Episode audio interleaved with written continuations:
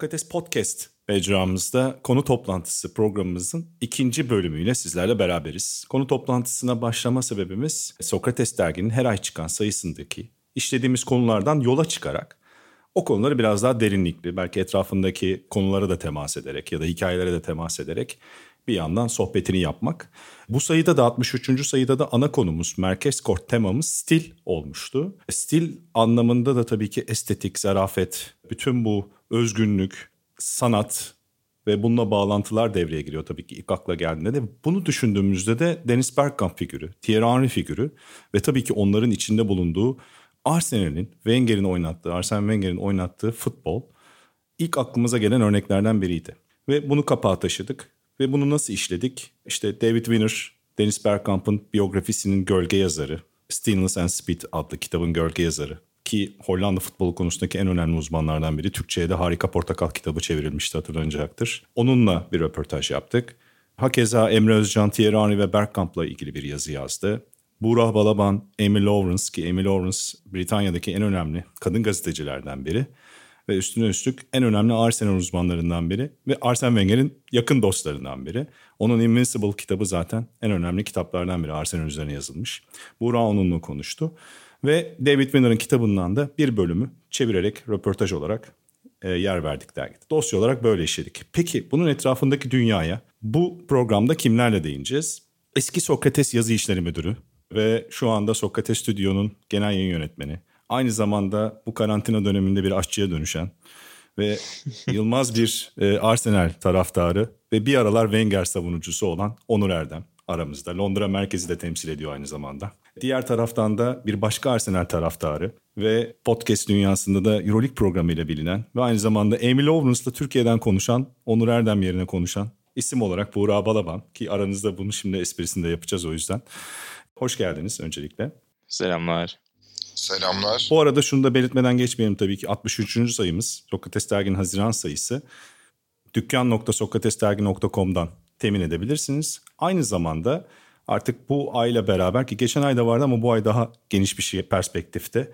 Getir, iste gelsin kitap yurdu, Oda Kitap, Babil, Egamba ve Gitti Gidiyor gibi platformlardan da edinebilirsiniz. Diyeyim. Peki sohbetimize başlayalım. Öncelikle aslında ikiniz de Arsenal taraftarsınız. Yani benden farklı olarak tabii ki. Peki bu Arsenal taraftarlığı neyden etkilenerek nasıl başladı? Onu hatırlıyor musunuz? Onur istersen senle başlayalım. Ben programa başlarken öncelikle bu kadar çabuk çirkinleşileceğini tahmin etmemiştim. Instagram aşçılığı vesaire gibi önce başladı konu. Buna sonra değiniriz. Bu konudaki teessüflerimi ileteyim. Buğra sana da ayrı tepkilerim var. Bunu da ilerleyen dakikalarla konuşacağız. Yani Amy Lawrence'la benim konuşmam gerekiyordu ama çok güzel ayağım kaydırılmış. Bu sektöre verdiğimiz, Arsenal bu kulübe verdiğimiz, yıllardır verdiğimiz emekler yok sayılmış. Bu brütüslük de masaya yatılsın istiyorum. Vefa ama bunların sırası abi. var. Ama bunların sırası var. Arsenal'i nasıl tutmaya başladım hemen söyleyeyim sana bırakayım. Abi ben Dennis Bergkamp seviyordum. Dennis Bergkamp Arsenal'de oynuyordu. O yüzden Arsenal'i tutmaya başladım. Bu kadar benimki. Kısa bir, iyi bir kısa film. Net bir özet oldu. Yani benim, sen? Benimkisi de tek bir isim gibi yani benim için de Thierry Henry biraz daha özel tabii. Herhalde biraz yaşın da etkisiyle Bergkamp'ın ben son döneminde daha net hatırlıyorum çünkü. Ama hani işte birçok insanın zaten çocukken izlediği işte onlu yaşların başında izlediği takımlar hep daha büyüleyici gelir. O zaman en iyi takımlarına genelde tutunmuş. İşte Caner abi tahmin ediyorum ki sen Liverpool tohumlarını çok küçük yaşlarda e, ekmiştin örneğin. Benimki de benzer aslında. Yani hafta sonu başlarken en büyük eğlencem oydu. Cuma'dan bir pastaneye giderdim. İşte bir litre bir kola alırdım. İşte ekler. Böyle ufak tuz şeyli küçük simitler vardı böyle tuz şey gibi kuru pasta gibi. Onlardan falan alırdım her hafta sonu başlarken. Cumartesi işte NTV'de ne varsa izliyordum. İşte ümitlerinden bir tanesi de Arsenal maçı olmasıydı. Çünkü o dönem hangi takım daha iyi oynuyor diye baktığımda benim en hoşuma giden futbol oynayan taraf Arsenal'di. Özellikle işte Arne'nin sürekli o uzak direğe vuruşlarını ayak içiyle hep çabalıyordum. Bir gün denk gelirse kalı sahada görürseniz de hep ısınırken hala deniyorum. Yani 20 yıldır çok bir şey değişmedi. hala iyi vuramıyorum o kadar ama elimden geleni yapıyorum. Benimki de böyle başladı.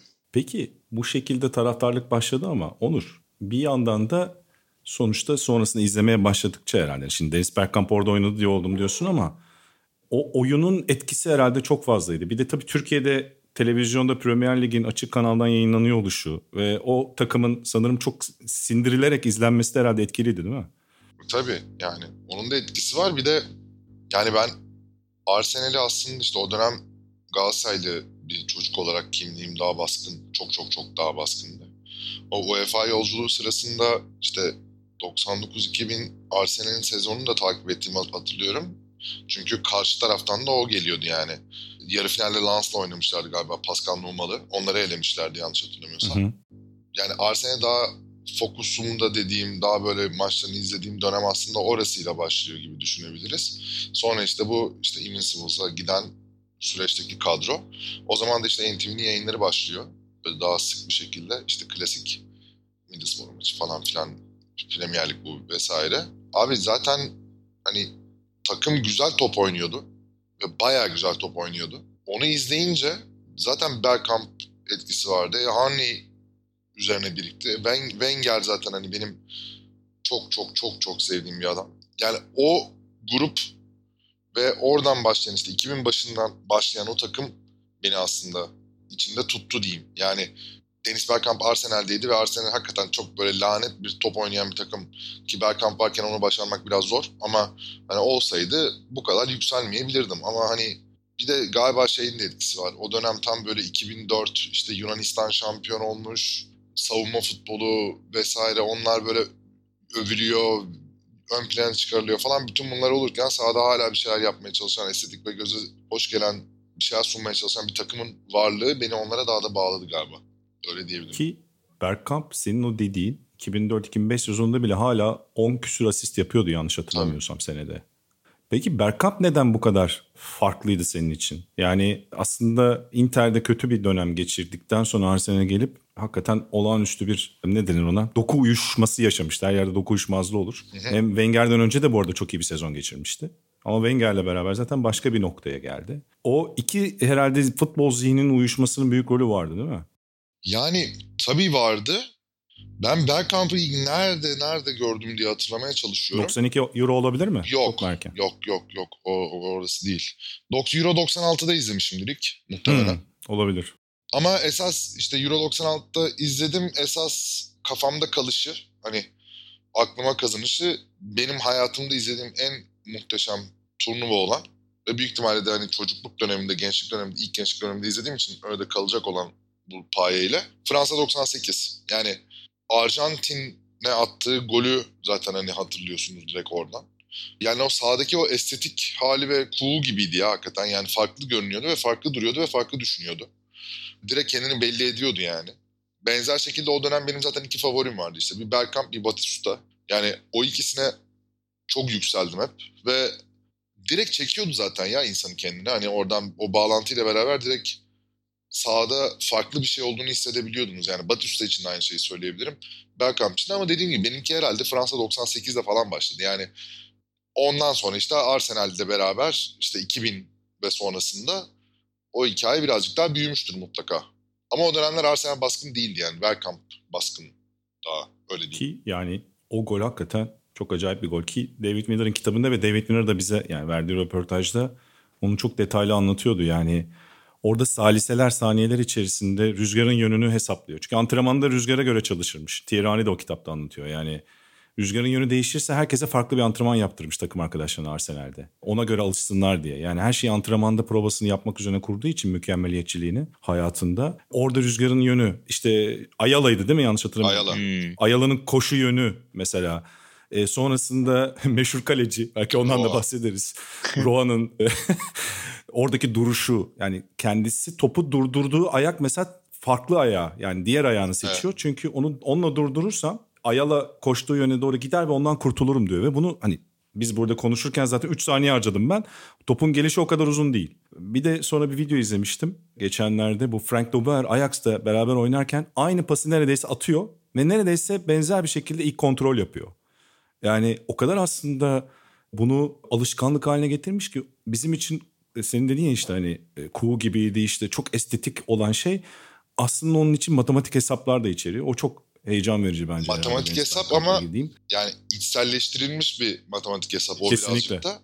Yani zaten first touch diye bir şey var ya şimdi hani FM'de falandan notu olur futbolculara. Yani onun bar, üst baremi 20. Yani Bergkamp'ın eğer verilecekse bu 30 falan olması lazım. Çünkü yani bunu sadece ben söylemiyorum yani ki ben hani sıradan bir taraftar olarak benim sözümün ne kadar kale alınabileceği zaten ortadayken bunu bir sürü futbolcu ve futbol insanı direkt olarak söylüyor. Kariyerleri boyunca gördükleri ilk dokunuşu, topla ilk buluştuğu anda o topla ilk teması en iyi olan isim Bergkamp. Yani birçok insan için bu. Hani onun bir sonrasına Zidane'ı yazabiliriz mesela. Hani o anlamda Zidane'ı yazabiliriz. Hı hı. Hı. Zaten şeyde de anlıyorsun. Yani Arjantin'e attığı golde 70 metreden gelen topu indirip indirdiği gibi sağ ayakla üstüne basarak sektirip Ayala'yı ekarte etmek yani o anlık o hesap ve içgüdüsel o hesap bir benzeri de şeyde de var işte yani o Newcastle attığı golde Dabizas'ı yani onu düşünebilecek bir vakit yok abi orada anladın mı? Hani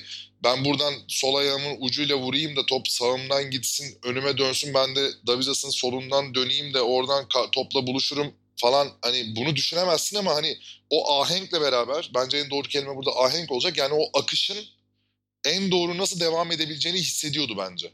Yani bir top gelirken işte o artık bu içinde bulunduğu an rakibin konumu, rüzgar vesaire, yükseklik yani bunların hepsini bir modelleme olarak anında kafasında görüp o ahengi devam ettirebilecek en doğru şeyi vücut içgüdüsü olarak yapıyordu bence. Yani bu çünkü hesaplanarak yapılabilecek bir şey değil. Bazılarının böyle bir yeteneği var yani. Kiminin müzikte var, kiminin vesaire var, kiminin işte Kesinlikle. gibi gibi yani. Bergkamp'ın yeteneği de muhtemelen ayak zamanından ya ayak filmlerinden açın bakın hani YouTube'da falan şahane videolar var Bergkamp'la ilgili. Ya yani şeyi de bulabiliyorsunuz. Arsenal tarihinde attığı bütün gollerin ve asistlerin olduğu iki ayrı video da var. Artı Arsenal Ajax döneminden de videolar var. Ajax döneminde hele yani sapık sapık şeyler yapmış ya Hollanda liginde yani. Çok acayip. Onların da hani o, bütün hepsini total olarak izlediğinde zaten şey gibi geliyor. Evet bu, bu bir yetenek yani özel bir yetenek. Mesela benim onu da söyleyeyim pası çok uzattım pardon. Buğra'yı bırakacağım. Benim Bergkamp deyince aklıma gelen ilk şey mesela direkt şeydir abi. Juventus maçında Lumberg'e yaptığı asisttir Ayber'de.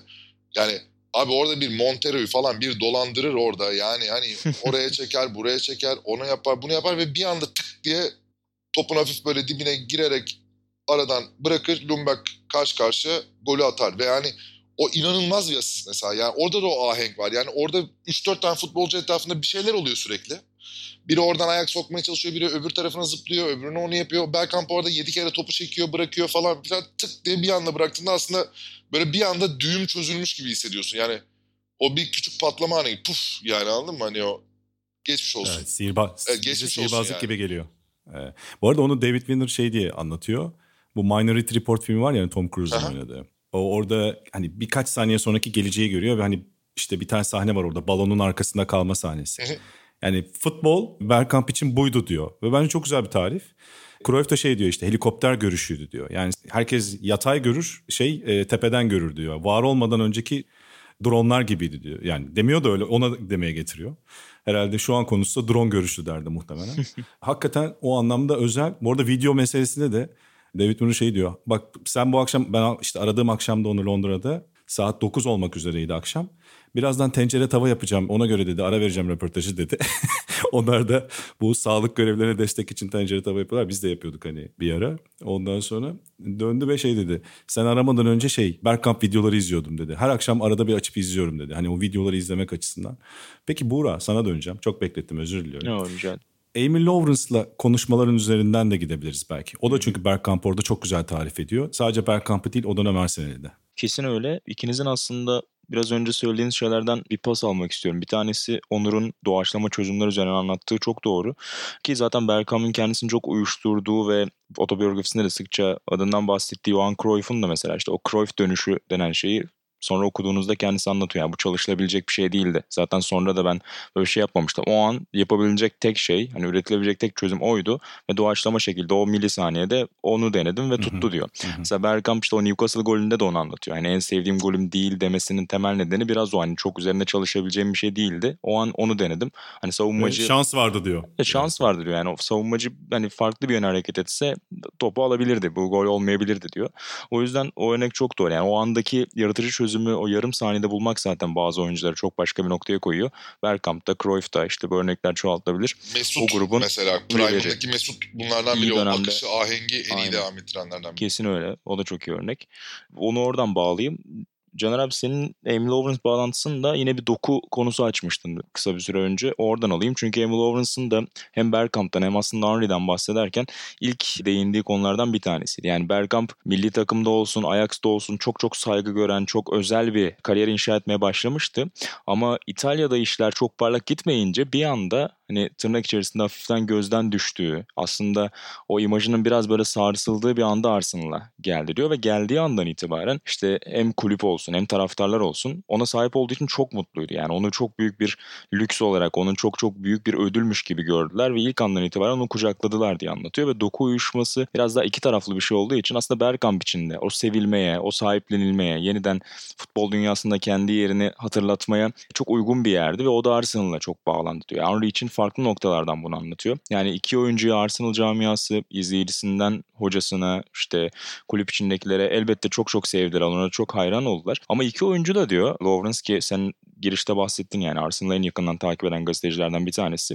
İkisi de diyor kulübe aşıklar diyor. Yani bıraktıktan sonra da kulüpten ayrıldıktan sonra da bu değişmedi diyor. Bu tam bir aşk hikayesine dönüşmüştü iki oyuncu içinde. Ve o da çok özel bir bağ. Artık özellikle çok daha kısa süreler oyuncuların takımlarda kaldığı yıllara girdiğimiz için çok daha az gibi geliyor bana artık. Hani o tür oyuncu kulüp bağlılıkları çok daha azaldı. İki yabancı oyuncu özelinde aslında bunu sağlaması Ve da tevazu, o başarı tevazu, dönemini gösteriyor. Tevazu kelimesini çok kullanıyor seninle konuşurken. Aklımda kalıyor. Evet aynen öyle onu da söylüyor. Senin de altını çizdiğin gibi. O tevazu da işte biraz hani Inter'de işler yolunda gitmiyorken aslında kendi standartları çerçevesinde geldikten sonra onu son bir yılıyla ya da işte biraz daha düşük ivmesiyle değil tamamen geldiği andan itibaren yani işte burası Arsenal ama biz sana çok saygı duyuyoruz, çok seviyoruz. Seni burada olduğun için çok mutluyuzu verip ona o sevgiyi daha ilk günden hissettirmek onlarda bir tevazu yarattı şeklinde özetliyor aslına bakarsan Lawrence ki hani karşılıklı o sevgi saygı çerçevesi iki tarafında gerek kulüp tarafında gerek oyuncular tarafında Bergkamp ve Henry özelinde birbirlerine o saygıyı göstermeleri belki de o özel dokuyu oluşturdu ilk andan itibaren. Bir de antrenman temposunun altını çizip pası atayım size. Mesela Bergkamp'la ilgili işte o çok zekası, işte saha içindeki çözümleri çok anlatılır ama antrenman takıntısından çok bahsetti mesela Emil Lawrence. Yani ilk geldiği andan itibaren 2006'daki vedasına kadar yani 35-36 yaşına geldiğinde dahi en çok çalışan oydu diyor. Yani antrenmanda ne olursa olsun en çok çalışan oydu. Hani çok böyle fiyakalı gençler gelirdi ha çalıştık yeter diye çıkmaya hazırlanırken onun hala yarım saat daha bir saat daha çalıştığını görünce neredeyse utanırlardı diyor. Ve hani o takımın aslında biraz daha antrenman temposunu belirleyen kulübün ya da takımın kendi içindeki o çalışma şeyini belirleyen de hem Bergkamp'ın hem Henry'nin liderlik biçimleri aslında. Sadece vokal değil aynı zamanda kendileri de yaparak son ana kadar. Hatta aksiyonla daha çok. Yaparak aynen öyle. O liderlik biçimleriydi diyor özetle. Şey e, David Miller da yani kitapta da geçiyor bize de anlattı işte dergiye de koyduk onu. Robin van Persie hikayesi çok güzel mesela Hı-hı. orada. Yani van Persie genç bir Hollandalı yetenek olarak geliyor. Ve tabii ki Bergkamp onun için çok önemli bir adam. Antrenman bitiyor. Van Persie klasik şeye çıkıyor. Bu bed tub dedikleri şey hani küvete giriyor ve hani suyla rejenerasyon zamanı geçiriyor. Orada da bakıyor sağda biri var Bergkamp. Hala antrenman yapıyor. Genç takımdan 2-3 oyuncuyu almış. Onlarla şut, pas, işte sert şut, sert pas, yumuşak pas, dönüş hepsini tekrar ama aynı hareketleri sürekli yapıyor. Ve diyor ki Bergkamp bir tane hata yapana kadar ben burada oturmaya devam edeceğim diyor suyun içerisinde bir saat sürüyor ve bir saat boyunca bir tane hata yapmıyor. Suyun içinde parmaklarım şey oldu diyor artık hani derim yumuşadı diyor ama en zevk aldığım bir saatlerden biri diyor hayatta. Bir bir saatlik bale gösterisi gibiydi diye anlatıyor. Yani o antrenman yapmak ve e, zaten şey kültüründe o getiriyor Arsenal'e. Antrenman sonrası kalmak. Henry de hep söylüyor yani benim futbola bakış açımı, antrenman stilimi, belki de kariyerimi bu şekle getirenlerin başında Bergkamp vardır diyor. Onu sen neler söylemek istersin bununla ilgili? Yani Bergkamp'ın bir liderlik özelliğinden bahsedeceksek zaten bahsedebileceğimiz şey bu. Yani normalde çok böyle konuşkan yani bir takım içerisinde böyle asta asık kestik kestik ne bileyim ağır abi olarak tanımlayabileceğimiz biri değil Bergkamp. Hatta ve hatta yani genel hatlarıyla da huysuz ve soğuk bir herif olarak da bilinir. Yani böyle çok insan canlısı falan filan bir tarafı da yoktur. Yani mesela Thierry hani o konuda daha şeydir daha nasıl söyleyeyim? Sosyal. Ha. Evet daha sosyal ve dışarılıklı bir herif. Yani hani o sataşır eder ona şey yapar ne bileyim gerektiğinde daha böyle sahada bile rakiple atışır falan falan. Yani Bergkamp hani o buz adam tavrı bir taraftan da oradan geliyor. O yüzden hani onun diğer tarafa gösterebileceği yani eğer bir liderlikten bahsedeceksek Bergkamp adına bunu yapabileceği tek yer zaten esas olarak antrenman ve çalışma disiplini. Yani kaç yaşına gelirse gelsin bu arada. Ve şeyi de unutmayalım. Şu anda Premier Lig dünyanın en iyi ligi ve Premier Lig'de çok ekstra yıldızlar, çok büyük oyuncular falan var ama 90'lar sonu yani 90'ların ikinci yarısını ve 2000'lerin ilk yarısını Premier Lig'de geçirmiş bir oyuncu olarak bayağı sert savunmaların, bayağı nasıl söyleyeyim acımasız ve gaddar orta saha oyuncularının vesairelerin olduğu bir ortamdan ve öyle Premier Lig'den çıktı Deniz Bergkamp'ın kariyeri. Onun kadar zarif ve onun kadar aslında fiziksel olarak problem yaşamaya müsait birinin 10 sene boyunca aynı devamlılıkta Premier Lig'de aynı şekilde devam ediyor olması da başka türlü açıklanamaz. Yani oradaki en ufak bir sarsılma, o antrenmanlık veya bir, birazcık boşlama zaten onun bedenini ödetirlerdi ona yani. Şey vücudunu çok iyi dinlermiş galiba. Öyle anlatıyor kitapta yani işte bir yerinde ağrı mı var? Onu tedavi eden doktordan bile bazen daha iyi süzebilirmiş ve ona göre kendini işte dikkat edermiş falan. Hakikaten dediğin o konularda bir de şey herhalde diyebiliriz. Yani saha içindeki futbol beyni olarak da bir lider de diyebiliriz sanırım değil mi onu? Tabii canım. Yani abi bir kere şöyle bir şey var. Birisine neden saygı duyarsın mesela bir futbolcuya üst düzeyde? Birilerinin yapamadığını yapıyorsa ve başka kimsenin görmediği bir şeyi görüyorsa senin zaten o kişiyle olan bağın da bambaşka oluyor ya. Yani bunu ben atıyorum gerçekten hani şu anda son 200 senedir rezil top oynuyor olsa da ve yani hakikaten bazen takımı çoğunlukla bazen değil çoğunlukla takımı sabote ediyor olsa da ben Mesut'u izlerken de bundan 4 sene 5 sene önce 7 sene önce 8 sene önce her neyse Mesut'u izlerken de benzer bir şey. Yani sahada böyle bir farklı duruyor yani. Kimsenin yapamayacağı bir şey ona geldiğinde bir sorun olmayacakmış gibi hissediyorsun. Yani Zidane böyleydi işte ne bileyim biraz biraz Rui Costa falan hani o tarz gelirdi. Böyle hmm. Evet. Ya bir alameti farikası var o kişinin ve hani o başka türlü dur Ronaldinho zaten hani mesela en bariz örneklerden biri. Kaka en bariz örneklerden biri. Yani ondaki o şeyi hissediyorsun. Yani Bergkamp'ın da büyüleyici gibi bir şeydi ya. Böyle de, biraz önce verdin ya sen örneği. Van Persie'nin örneğini işte bir saat boyunca izledim ve bale gösterisi gibi. Abi hakikaten böyle büyülenmiş, transa geçmiş şekilde izleyebilirdin yani sadece. Ben şeyi çok isterdim mesela. Real Madrid Villarreal maçında Zidane'ın işte 90 dakikası 22 hmm. kamera mıydı 18 kamera mıydı hmm. çekildi ya bir tane belgesel yapıldı evet, o evet. filmden. Ben çok isterdim Deniz Bergkamp'ın böyle çok sağlam bir maçının aynı şekilde bir projede değerlendirilmiş olmasını yani gerçekten aşırı estetik bir şey çıkacağından eminim yani. Hakikaten çok iyi fikir bu. Yani keşke yapılsaymış. Belki başka görüntülerden birleştir diyeceğim de ama tek bir 90 dakikanın bütünlüğü olmaz herhalde. O Acayip evet bir de o açı çeşitliliği o dönemde bulmak evet. zor olur. En büyük keşkelerden biri olabilir herhalde Aynen. spor belgeseli olarak. Orada o, şey var. Şeyi söyleyeyim mi de çok Sen söyle söyle istediğin gibi. Bir yıl önce falandı galiba. Ian Wright Hollanda'ya gidip ustanın evinde bir röportaj yaptı kendisiyle. Videosu falan var şeyde YouTube'da 20 dakikalık falan bir şey. Yanlış hatırlamıyorsam.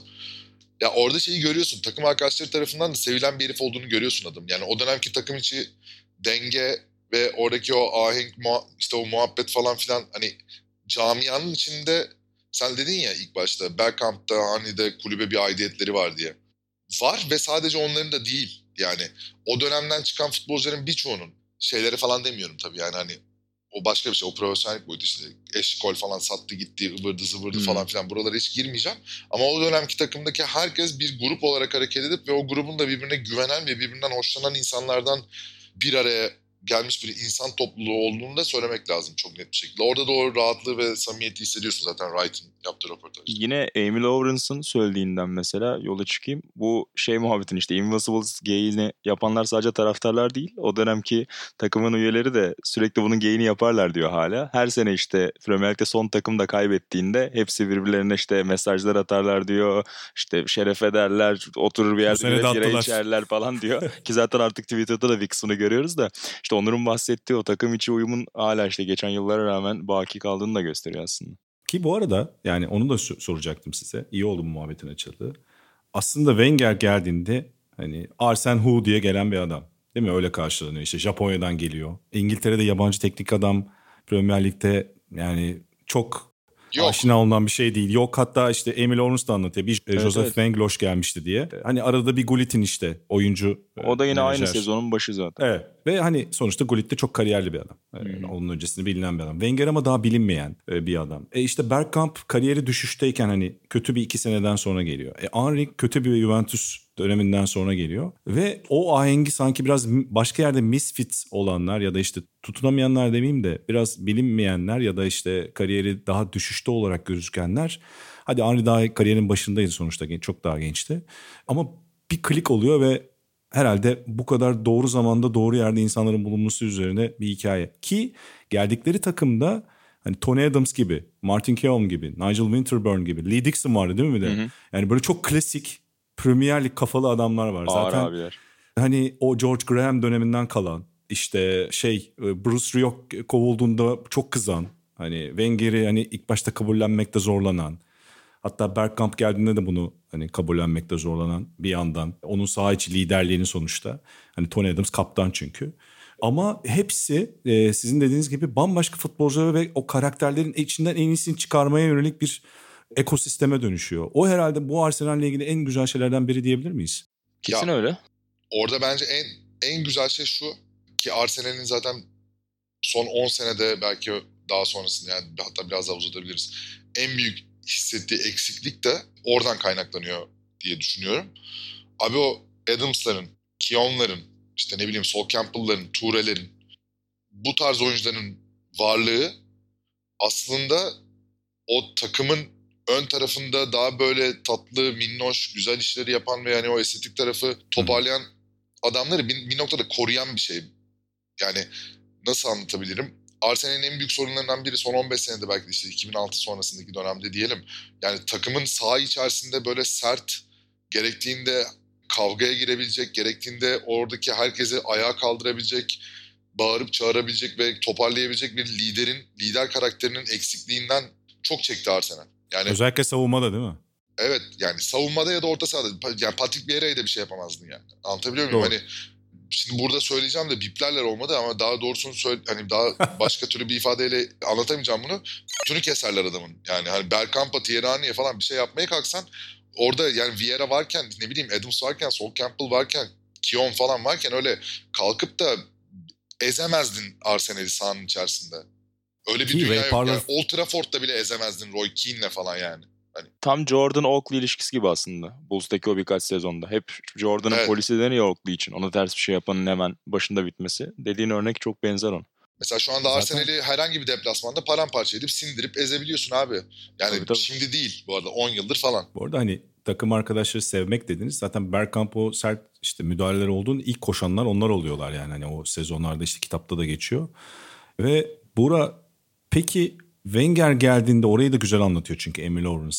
Nasıl sistemini, oyun tarzını ya da oyun görüşünü o kadar bu konularda daha kapalı, muhafazakar bir yapını ya kabul ettiriyor. Tabii ki ikinci sezonunda başarılı olmasının etkisi var ama oraya giden yolda da sonuçta dikenli teller var. Mutlaka öyle. Ya işte Van Glosch'tan bahsettim. 90'lar başında Aston Villa'nın öyle bir deneyi var ve istediğini yapamıyor. Biraz başarısız oluyor.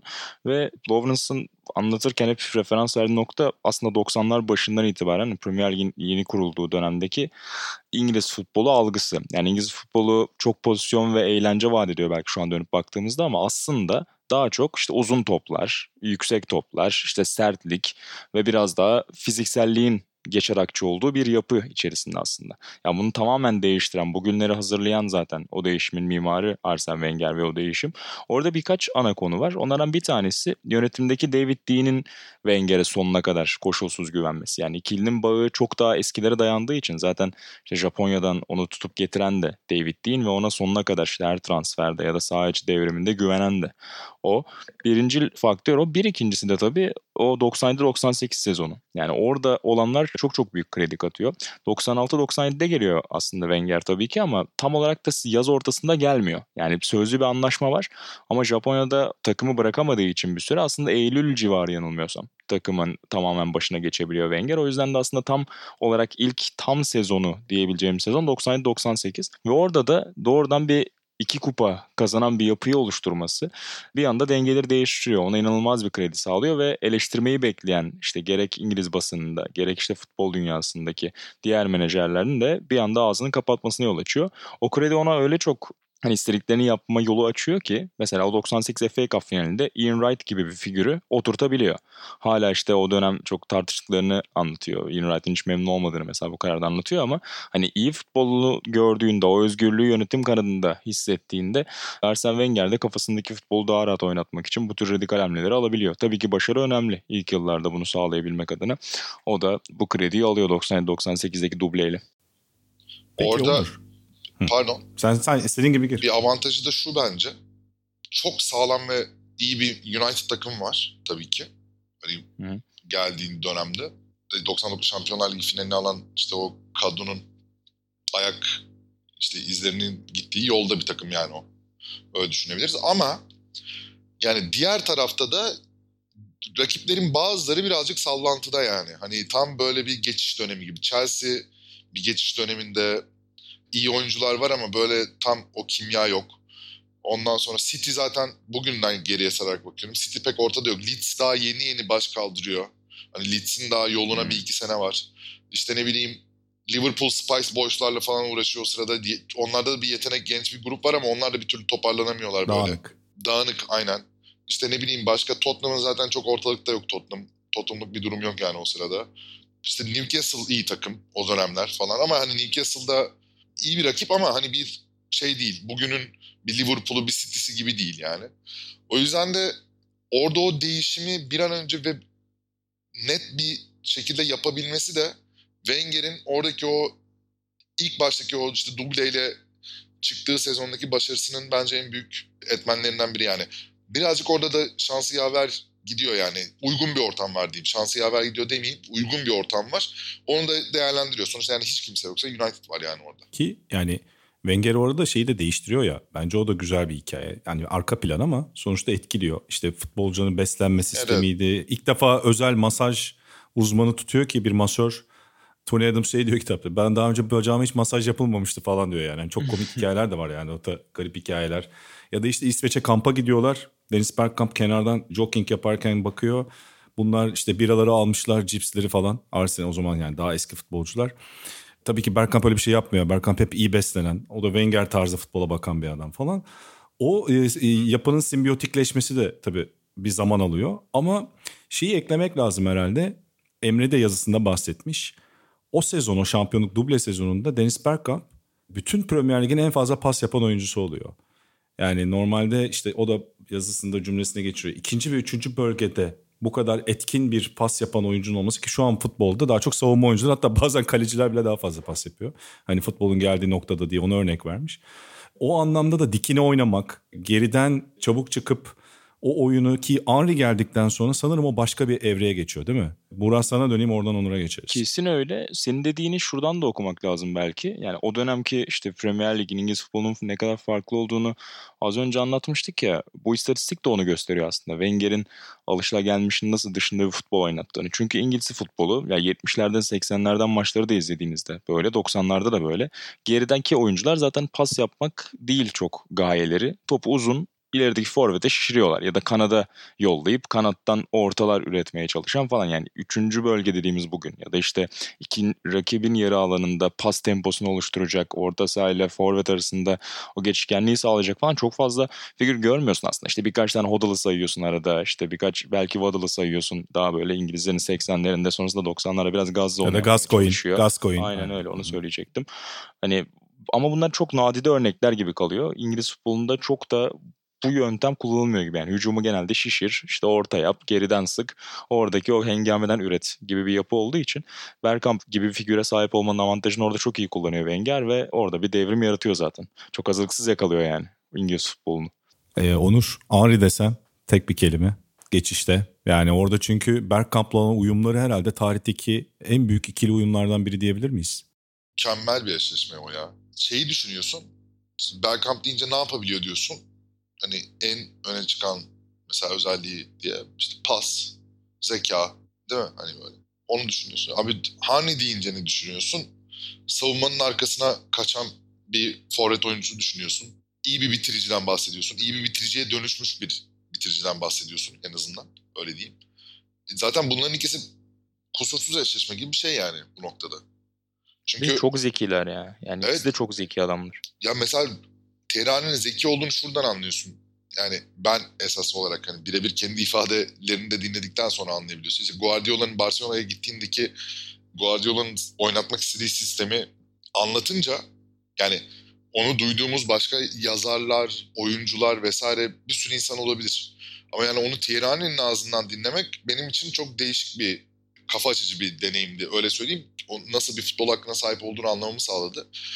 Tierney de çok zeki bir herif abi. Yani çok. O da çok zeki bir herif olduğu için o matematik ve fazla zeka rakip savunmanın işini çok zorlaştıran bir durum. Yani sende iki tane içgüdüsel olarak zaten seni yok etmeye planlı ve senden bir adım önde düşünen iki oyuncu varken onunla uğraşmak çok zor abi. Yani bu sadece Premier Lig için de değil. Yani bu takım gidip hani Giuseppe Meazza da Inter'i de paramparça etti. Gitti işte ne bileyim Bernabeu'da Real Madrid'de diyendi. Yani hani Roma'da olimpiyat stadında Roma'yı da dağıttı. Öyle bir kaygısı olan bir takımda değil yani. Hani o fazla zeka ve buna imkan sağlandığı anda çok öldürücü bir ikiliye dönüşebilir bunlar. Ve hele hele İngiltere'de o geçiş dönemindeki işte birazcık daha et kafalı dediğimiz savunmalara karşı ben daha fazlasını bile yapabilirlerdi diye düşünüyorum aslında bakarsan. Yani. Öyle öyle yani kucağa alıp uzun ya da kalıplı bir forveti sindirmeye çalışan bir savunma algısı var. Sonra karşına Bergkamp geliyor. Saçma zaman şeyler yapıyor. Henry geliyor bir anda kendini kanada atıyor. Geri geliyor. Şunu yapıyor bunu yapıyor. Dediğin gibi bir anda kafalar gidiyor tabii yani o dönemki savunmalarda. Ben Serkan bir şeyi öneririm bununla ilgili herkese. Bu bir, başta söyledim ya bir tane Deniz Bergkamp'ın bütün pasları, ya bütün asistleri ve bütün gollerinin olduğu iki ayrı video var diye. Hmm. Abi onu izlerken sadece şeye baksınlar. Ya ben onu yaklaşık bir 60 kere falan izlediğim için her birini artık başka şeylere odaklanıyorum. İşte tribüne falan bakıyorum, sağa sola bakıyorum da şeye falan odaklanabilirsiniz orada. Rakip futbolcuların iş işten geçtikten sonraki bir suratlarına ya da el kol jestlerine bir bakın. Yanlışım yoksa şey Leicester maçı olması lazım.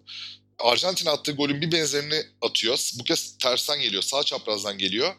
Altı pasını orada topu durdurup indirip gene yere vurduruyor ayak içiyle karşı tarafa atıyor. Aynı golün bir benzeri neredeyse. Ya orada o ekarte edildikten sonra savunmanın bir bakışı var. Yani ne oluyor lan burada diye. Yani hani o çaresizliği görebiliyorsun hepsinin yüzünde. Keza Tirani'nin birçok golünde de yani son vuruş öncesi o pozisyona girdiği anda ne yani nerede nereden çıktı bu herifi al, alıyorsun sürekli onlardan. Yani o çaresizlik çok yani bir Arsenal taraftarı olarak benim için çok tatlı bir şey yani onu görmek. Tabii, tabii. Mesela şu anki suratlara yansıyor da hakikaten. Yani şu anki jenerasyon izlememiş olan jenerasyon için hani videoları da izlememişler diyelim tamam mı YouTube'da. Sadece biliyorlar, orada duyuyorlar arada bir Arsenal var. Ama baktıklarında işte e, iki tane dubleli sezon var. Hani üç şampiyonluk var. Onun dışında hani aslında oralara hükmeden bir takım gibi değil değil mi? İstatistiklere ve rakamlara baktığında özellikle söylüyorum. Değil. E, bunlar da başarı tabii ki ama o dönemde bir United hegemonyası var ki bambaşka. Ya işte 2006'da insan... Şampiyonlar Ligi finalinin evet. başında 10 kişi kalmayıp o Barcelona'yı yenebilseydi bu takım hı hı. yani bu takımın artık şeyi daha doğrusu yani bu takımın bütün olmak için uğraştığı ve varmaya çalıştığı yani orası işte o yolun en sonu olacaktı ve bu takım bence şu anda da çok özel bir yeri var dünya futbolunda ama yani o 2006 Şampiyonlar Ligi'ni alması başka bir imza olarak kalacaktı. Hele ki Barcelona'yı yenerek. Çünkü ya o hani büyük, Barcelona'nın büyük inşanın sonu. Evet yani şeydir ya Arsenal. Barcelona'nın başarılı olamayanı. Hı-hı. Futbol ekolü olarak benzerler hani basiretsiz Barcelona yani bileyim işte düşük bütçeli Barcelona gibi gibi poor man's Barcelona olarak konumlandırıldığı için son 15 yıldır falan yani Barcelona'yı yenerek onu almış olmak gerçekten çok olacak. büyük bir algı değişimi olacaktı. Belki. Ya aslında bütün bu bahsettiğimiz ki Bergkamp da bahsediyor işte o şeyde. Yani Hollanda'nın estetik kaygısından ya da Cruyff işte 70'lerden gelen Hollanda'nın estetik kaygılı ama her zaman kazanamayan ki genelde de kazanamayan ki kulüp olarak Ajax kazanıyor ama Dünya Kupası'nda finale çıkan iki, tak, yani iki kez finale çıkan takımın köklerinden gelen futbolun aslında yorumlanış biçimleri. İşte Van Basten, Gullit, Rijkaard'ın olduğu Sakki'nin Milan'ı, Guardiola'nın Barcelona'sı, Zaten Barcelona'nın inşasında Cruyff'un rolü var. Bu Arsenal'de de bir Hollanda-Fransa bir e, sentezi olduğu hep konuşuluyor zaten. Özellikle Fransız futbolcuların daha sonra yoğunlaşmasıyla beraber. Ve deminki cümleyi şey için etmiştim. Buradaki bu futbolu, bu zarafeti görebilmek için de rakamlara bakmadan izlemek gerekiyor. Yani mesela Bergkamp'ın söylediği gibi bazen futbolda asiste giden pas asisten daha değerli aslında. O asisti yaratan hatta golü yaratan şey o pas oluyor diye. Ki Bergkamp'ın o videolarında en çok ondan önceki paslara ben de bakmanızı öneriyorum. Hani Onur'un önerdiği videolarda. Bergkamp'ın en büyük söylediği şey yani en çok söylediği şeylerden biri de o. Neden ilk dokunuşa bu kadar uğraştın ve bunu kusursuzlaştırmak için çünkü deli gibi çalışırmış bunun üzerine ve kendi ifadesiyle bunu birebir hani onun ağzından bir röportajda e, dile getiriyor. Bunun da vardır bir 6-7 yıl tam hatırlamıyorum. Topa en doğru şekilde dokunduğun anda yani topla buluşmada en doğru şekilde buluştuğun anda ve yani onu doğru pozisyona çekebildiğin anda yani zaten rakibi geçmiş oluyorsun yani. Yani zaten düşünce olarak bir adım öndesin. Yani. Tamamen çaresiz bırakıyorsun o andan itibaren. Beş tane çalım atmana gerek yok diyor yani. Hiç gerek yok. Hiç gerek Hatta yok. Hatta işte çalım üzerine sohbet de var orada David Banner'la. Benim için çalım da fonksiyonel ve işlevsel olmalı diyor. Yani futbolun amacında bir yani orada bir bir amaç olmalı, bir bağdaşması lazım. Tabii ki görsellik güzel ama zaten siz o görselliği o basitlikte de bulabilirsiniz diyor Bergkamp. O bakış açısı enteresan. İşte total futbol için art of spaces denir ya. Yani mesafelerin e, ayarlanma sanatı diye. Hani bu konunun herhalde en büyük sanatçılarından biri. Bergkamp'ın farkı o ve o ortamı bulunca da Arsenal'de böyle bir şey oluyor. Peki sana laflar hazırladım programında iyi savunulamayan bir Invincibles vardı. Peki bu programda savunulmak istense hani demin rakamlar dedik işte tarihteki yeri dedik Onur da bahsetti. Buğra önce sana soracağım. Nasıl savunurdun Invincibles'ı? Abi ben Aim Lawrence'a sordum nasıl savunurdun diye. Şöyle Hı-hı. dedi.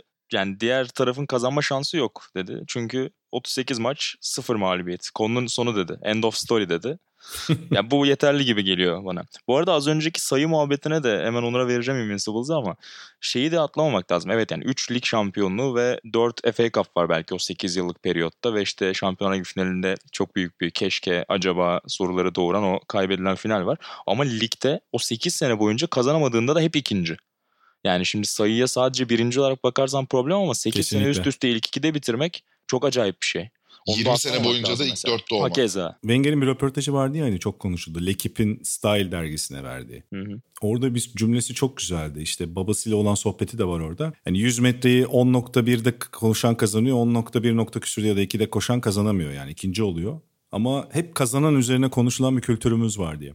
Tabii bu röportaj yapıldığında Arsenal hep biraz böyle dördüncü, üçüncü çok olan bir dönemdeydi. Hani 2-3 sene oluyor galiba röportaj değil mi? Ya da 2015'ti galiba yanlış 2015'te. Onun da etkisi olabilir ama o dönemki süreklilik ve nasıl kaybettiğinin arka plandaki öykülerin de bilinmesi lazım diyor. Aslında efor, istek çok önemli.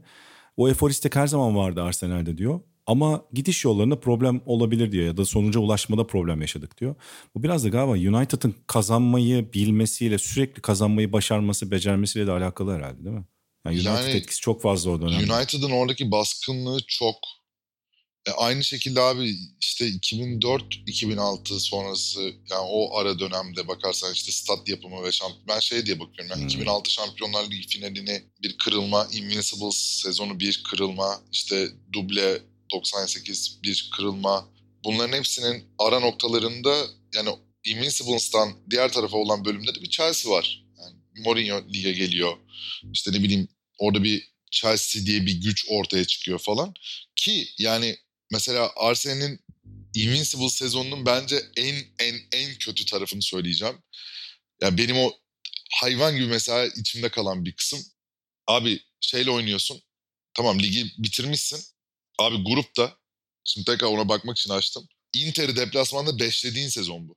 Yani deplasmanda Inter'i beşliyorsun ve şöyle başlıyorsun gruplara. Inter Inter'e içeride 3-0 yenildin. Lokomotiv deplasmanı 0-0. Dinamo Kiev'e deplasmanda 2-1 yenil, yenilerek 3 maçta bir puanla girip içeride Dinamo Kiev şey, Lokomotiv'i yenip deplasmanda Inter'e 5 atıyorsun gruptan çıkıyorsun. Celta Vigo'yu 2 maçta da yeniyorsun. Geliyorsun abi çeyrek finale. İlk maç deplasmanda 1-1 Chelsea ile Deplasmanda 1-1 biten sezon maçın ardından abi ikinci maç öne geçiyorsun. Öne geçtiğin maçta 1-1 oluyor ve 88'de yani uzatmaya gidecek abi. Yani en kötü uzatmaya gidecek ve içeridesin. Hani avantaj sende gene de. Abi 88. dakikada saçma sapan bir gol yiyorsun. Wayne Bridge'den bir de. ve eğleniyorsun. O Chelsea yani çeyrek finalden sonra nasıl anlatabilirim bunu bilmiyorum ama yani çok şanssız ya yani. Ve hani orada giden sezonu biliyorsunuz değil mi o sezonun şeyini? Monaco Porto. Monaco Porto evet, abi. Evet. Ya ya Monaco ile oynayacaktın abi. Finalde yarı finalde Monaco ile oynayacaktın. Ve bak senin aslında 2006'dan çok alabileceği asıl sezon oydu aslında. Evet abi. Yani Chelsea Monaco'ya elendi.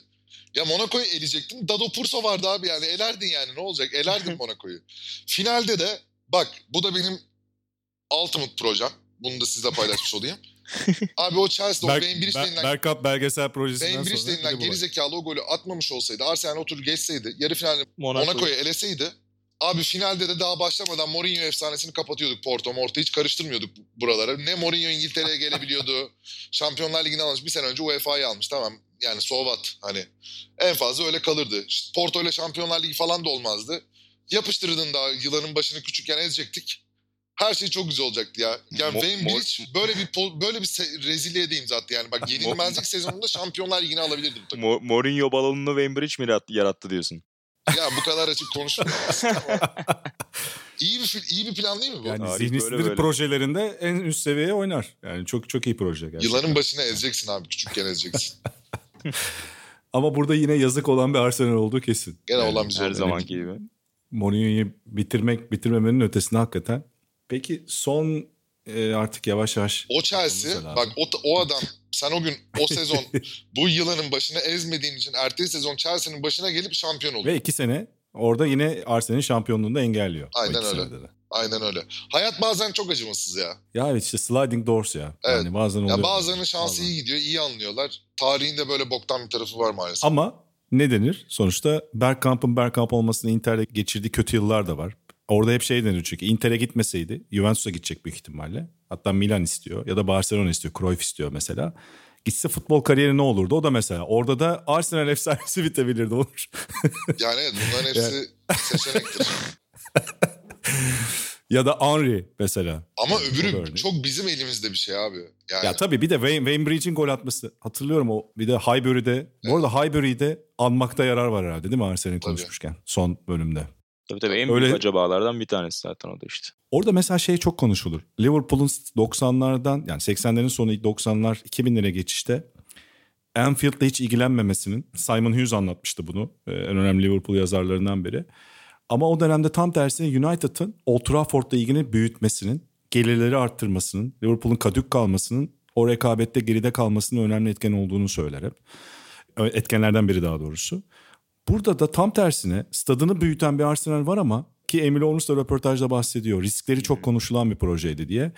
Ama evi olduğunu hissettiği Highbury'yi de kaybetmek var. Mesela şimdi Liverpool'a bakıyorsun hala Anfield'da. Ne olursa olsun büyütüyor yavaş yavaş. Old Trafford büyütülmüş bir eski stat. Chelsea hala Stamford Bridge'de. Ama Arsenal Emirates'te sanki o etkiyi kaybetti mi sizce sonradan o havayı? Çok statla, iddialı bir şey olabilirdi. Statla çok ilgili olduğunu düşünmüyorum yani şöyle statla ilgili olduğunu düşünmüyorum. Yapısal olarak diyorsun. Yani evet yapısal olarak çünkü hani Liverpool United rekabetindeki açılmanın sebeplerinden bir tanesi de abi Premier Lig kurulmuş 92-93 zaten on, ondan itibaren lig gelirleri artmaya başlamış ve o dönemde güçlü olan ve o dönemde kazanan United. Yani stadı büyütmemiş olsa da o United o güçte olacaktı ve o baştaki o büyümenin yarattığı dalgayı direkt onlar hani yelkenlerine doldurup gene geride bırakacaktı büyük ihtimalle Liverpool. O başka doğru zamanlama diyorsun. İyi zamanlama. İyi zamanlama. Tarihin doğru yerinde, Hı-hı. doğru yer, doğru anda, doğru yerde olmaktan sebepli bir durum yani. Arsenal tarafında şöyle bir durum var. Highbury çok e, yani çok özel bir stat. Gerçekten çok özel bir stat. Gidip göremedim. Maçta izleyemedim ama hem bütün futbolcuların vesairenin anlattıklarından hem de izlediklerimden yani özel bir saha olduğunu anlıyorsun muhtemelen çıktığında da oraya zaten. Ki rakipler adına da bu bir yani bir Enfield'da da böyle hissediyorlar mesela büyük ihtimalle. Ama abi şöyle bir problem var. Yani 600 milyon harcandı o stada. Ve bunu Arsenal kendisi ödedi ve kendisi ödediği için de işte takımı boşaltmak zorunda kaldı. İşte gençlere yöneldi. Onların iyi bir mentor başlarında saha içinde belki kalsa daha böyle bir karma bir geçiş sağlansa daha iyi olabilirdi ama hani çok ezilen artık yani çok böyle sahada vur ensesine al lokmasını gibi bir kadro kaldı elde ve bunlar da baskıyı ve o sertliği bence mental sertliği kaldıramadılar. Çok yetenekli bazı oyuncular olsa da içlerinde ki yani var bayağı epey. Ama abi o stadın da yapılması gerekiyordu. Yani United 60-70 bin kişiye oynarken sen orada Highbury'de hayatına devam edip ne bileyim işte City başka bir stat işte ne bileyim sonuçta burada Tottenham Şu şimdi gitti kendi stadını aynen. yaptı. Yapmak zorundasın abi. Yani Tabii. Hani dünyanın, ekonomik gerçekler. Aynen şartlar seni buna getiriyor. Yani sen orada sallıyorum şu anda hani Arsenal'den bağımsız bir örnek vereyim. Abi 30 bin kişilik stadım olsun benim. Orada böyle dünyanın da en iyi oyuncuları gelsin. Dünyanın en, iyi, en güzel topu oynansın. Öyle bir dünya yok yani maalesef. Maalesef bir yok. De galiba, bir de galiba orada şey sıkıntısı da var yani. Şimdi Anfield'da alt kart tribünleri falan büyüterek büyütüyorlar. Yani yeni bir stada evet. geçmeyi iptal ettiler. Hani orada da o yapılabilir miydi? Atıyorum hani Fenerbahçe yaptı ya Kadıköy'de onun gibi yani yöntem olarak diye ama belki de oranın yapısı Abi, ona uygun değil. Ona uygun değildi benim, yani. Highbury zaten yeterince yatay bir stat ya. Hayır işte ona uygun değildi belki de. Yani hani işte hayır işte onu diyorum ben de hani Hı. yani mimari olarak çok yatay bir stattı zaten. Yani onu aşağıya indirmek mümkün müydü bilemedim. Yani İnönü'ye de yaptılar galiba değil mi? İlk önce İnönü'ye de öyle yapmışlar. Evet ben de öyle hatırlıyorum. Ya işte mesela West Ham'da tarihi stadından çıktı hani sonuçta. Hani İlla bir bocalama oluyor işte. Hani bir de bütün statlar bana şey geliyor yok. ya. Hani 2010 sonrası yapılmış, 2005 sonrası yapılmış statların çok benzer. Birçoğu bana benzer geliyor. Ha işte Highbury'den işte Clock End'i falan götürdüler oraya astılar falan bilmem ne. Hani onu kırmak için bir şeyler yapıldı yani o statta da en azından öncülerinden biri diyeyim yani o stat. Diğer örneklere kıyasla benzerlerin arasında diyeyim ama yani ne bileyim. Bizdeki Toki statları gibi diyorsun. Evet ya o kadar değil canım yok bayağı iyi şaka, stat. Şaka, yani şaka ben bu sene gidip görebildim de bayağı iyi stat. Hani şey olarak da iyi. Hani seyircinin Hı-hı. etki etmek Hı-hı. istese seyirci o açıdan da iyi ama seyircinin profili de tabii değişmiş. Ya şu anda Arsenal Premier Lig'de en pahalı bilet satan kulüp abi. Sanırım en kritik nokta o belki de. Yani dediğin seyirci profilinin değişimi herhalde. Evet. Sterilize Bir de şey hayal kırıklığı belki de. Yani tamam dediğin gibi belki finansal gerçekler vardı. işte daha fazla bir kişi oynayıp gelirleri arttırman gerekiyordu falan tamam. Abi 15 yıl geçti. Arsenal taraftarı hala bakıyor. Abi ben hala en büyük paraları verip en büyük adamlar alamıyorum ki. E niye o zaman bunu yaptım sorusu doğuyor biraz da. İşte Yazın, kar ediyorsun. Abi ama işte neyleyim bana fayda etmeyen karı. Ya taraftar açısından sonsuz haklısın. Ona hiçbir şey değil. Zaten Arsenal'le ilgili en büyük ikilem buydu ya. Özellikle hani aynen, aynen. tamam baba dediler 6 yıl stadın borcunu ödeyeceğiz. Dediler ki 6 yıl dişi sıkıyoruz 600 milyon borcumuz var. 6 yıl boyunca bu stadın borcu ödenecek. Herkes tamam abi dedi. Kapattı aldı şapkasını önüne koydu. Bekledi 6 yıl. Yani insanları yani beklemedi gene arıza çıktı da. Yani insanlar gene de tepki göstermediler çok fazla. Abi 2012'de bitti bu stadın borcu. İşte mesela o zamandan beri alınan Mesut var. Alexis Sanchez var. Yani büyük transfer parasıyla diyeyim en azından hani sonradan. Kim var başka hatırlıyor musunuz? Aubameyang var. Aubameyang var. Hı, evet Aubameyang var doğru. Yani. Lacazette de yine bir miktar verildi ama dünyanın böyle peşinden koştuğu bir adam değildi Lacazette mesela. Ya 2012'den sonraki 3 sene boyunca alabilirdin abi adam. Almadın. Yani. Aynen öyle. Ya o şey algısı da var. Üst üste başarılı olan takımı biraz daha sonuçta futbolcular daha tercih ediyorlar. Teklif geldiğinde yani. Yani onun etkisi de var. Liverpool'da onun ceremesini çok çekmişti yani. Biliyorsun. E tabii. Yani. Bir ara Andy Carroll almak zorunda kalıyorduk yani öyle düşün hani sonuçta. Bir de abi şöyle bir problem oldu. Takım kendi içinden çıkan oyuncularla başarılı olmaya ve kendi yarattığı jenerasyonla rüştünü ispat etme noktasına geliyor ya. Bu bir nevi bir kültür gibi bir şey aslında. Bazen bu Hı-hı. kültürün zararı da var. Ama bence her zaman için yani kültür zararlı da olsa zararsız da olsa kültürsüzlükten her zaman için daha iyidir ama hani bunun zarar tarafı da şu abi olmayacak duaya çok amin dedi bu kulüp. Çok fazla oyuncuda. Yani Marwan Şamak mesela gibi. Yani Şamak'a gelene kadar çok var. Niklas Bentner'i var. işte ne bileyim Koklen'i var. Yani var oğlu var bu takımın altyapısından. Bir bence hani Volkot hakikaten çok daha üst bir potansiyeli olan olabilecek bir oyuncuydu ama o da sakatlık belasından falan filan çok fazla başını kaldıramadı. E zaten Fabregas'ın Nasri'si bunlar bastılar gittiler öyle bir durum oldu. Olmadı yani. Hani bir o dönemden kalıp da yani o dönemki kültürden kalıp kendini Arsenal'de bir şeyler yaparak ispat eden ben Fabregas'la Nasri'yi Arsenal'de bir şeyler yaparak ispat eden hadi Fabregas'ı ayırayım. Bir, bir buçuk iki sezonu vardır. Öyle çok üst düzeyde iki sezonu vardır. Nasri'nin bir tane bir sezonunu hatırlıyorum. Bayağı iyi olduğu bir sezonu vardı. Ama Van Persie dışında yani böyle 5-6 sene hakikaten dolu dolu katkı verip ve üzerine yapılan yatırıma değdiğini kanıtlayan birini ben hatırlamıyorum Arsenal'de. Şey oldu. Aslında Arsenal hep gidenler oldu. Yerini bir şekilde doldurmayı başardı ama futbol dünyası ve işte o James Montague'ın da kitabında yazdığı gibi milyonerler arttıkça onu yapmakta zorlan işte atıyorum Pöti gitti mesela Vieira geldi.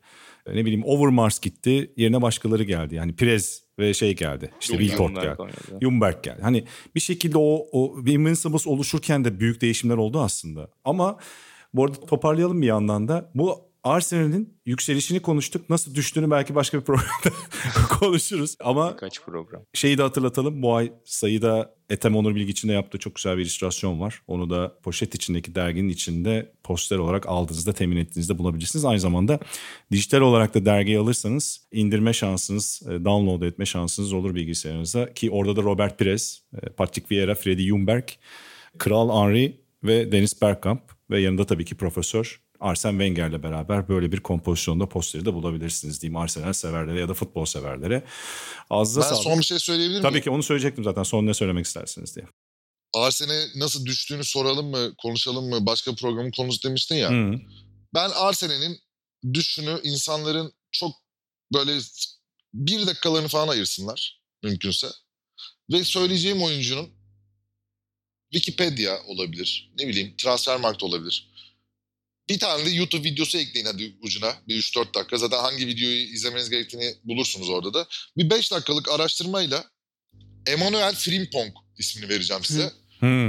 yani Arsenal neden düştü ve düşmeye başladı sorusunun cevabı bir dönem Arsenal altyapısından umut vaat ederek yükselen isimler Fabregasken ne bileyim bence beklentileri Arsenal adına karşılasında Alex Songken falan filan sonra düştü o çocuk yazık oldu ona bir dönem biz bu Frimpong'a bir yükseldik. Frimpong'un falan 11 çıktığı maçlar oldu. Nasıl bir ruh hali içinde olduğunu takım nasıl bir akıl yoksunu bir süreç geçirdiğini bazen ya da ne bileyim basireti bağlandığını diyeyim. Anlamanız için Emmanuel Frimpong benim özel önerimdir. Bakabilirsiniz. O zaman Bergkamp'la başladığımız bu yolculuğu Frimpong'la bitiriyoruz. Arsenal'in de sanırım değişimini anlatan Arsenal bir özeti. yelpaze oldu. Buğra Balaban, Onur Erdem ağzına sağlık. Çok keyifli bir Arsenal ve genel futbol sohbeti oldu. E, konu toplantısında bu bölümümüzün sonuna geliyoruz. Son bir hatırlatma tabii ki. E, Sokrates dergiyi matbu olarak dükkan.sokratesdergi.com'dan ve Getir gibi başka mecralardan da edinebilirsiniz. Aynı zamanda dijital olarak da tabii ki yine sokratesdergi.com'dan alıp dijital ortamlarda okuyabilirsiniz diyelim. Ben Caner konuklarımızla beraber konu toplantısını bu bölümüne bitiriyoruz. Hoşçakalın.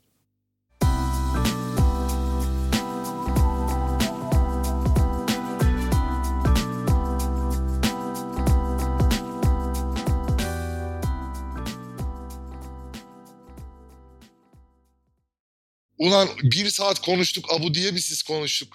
Ah be abicim ya. Abu'yu da çok severim Abu'yu ya.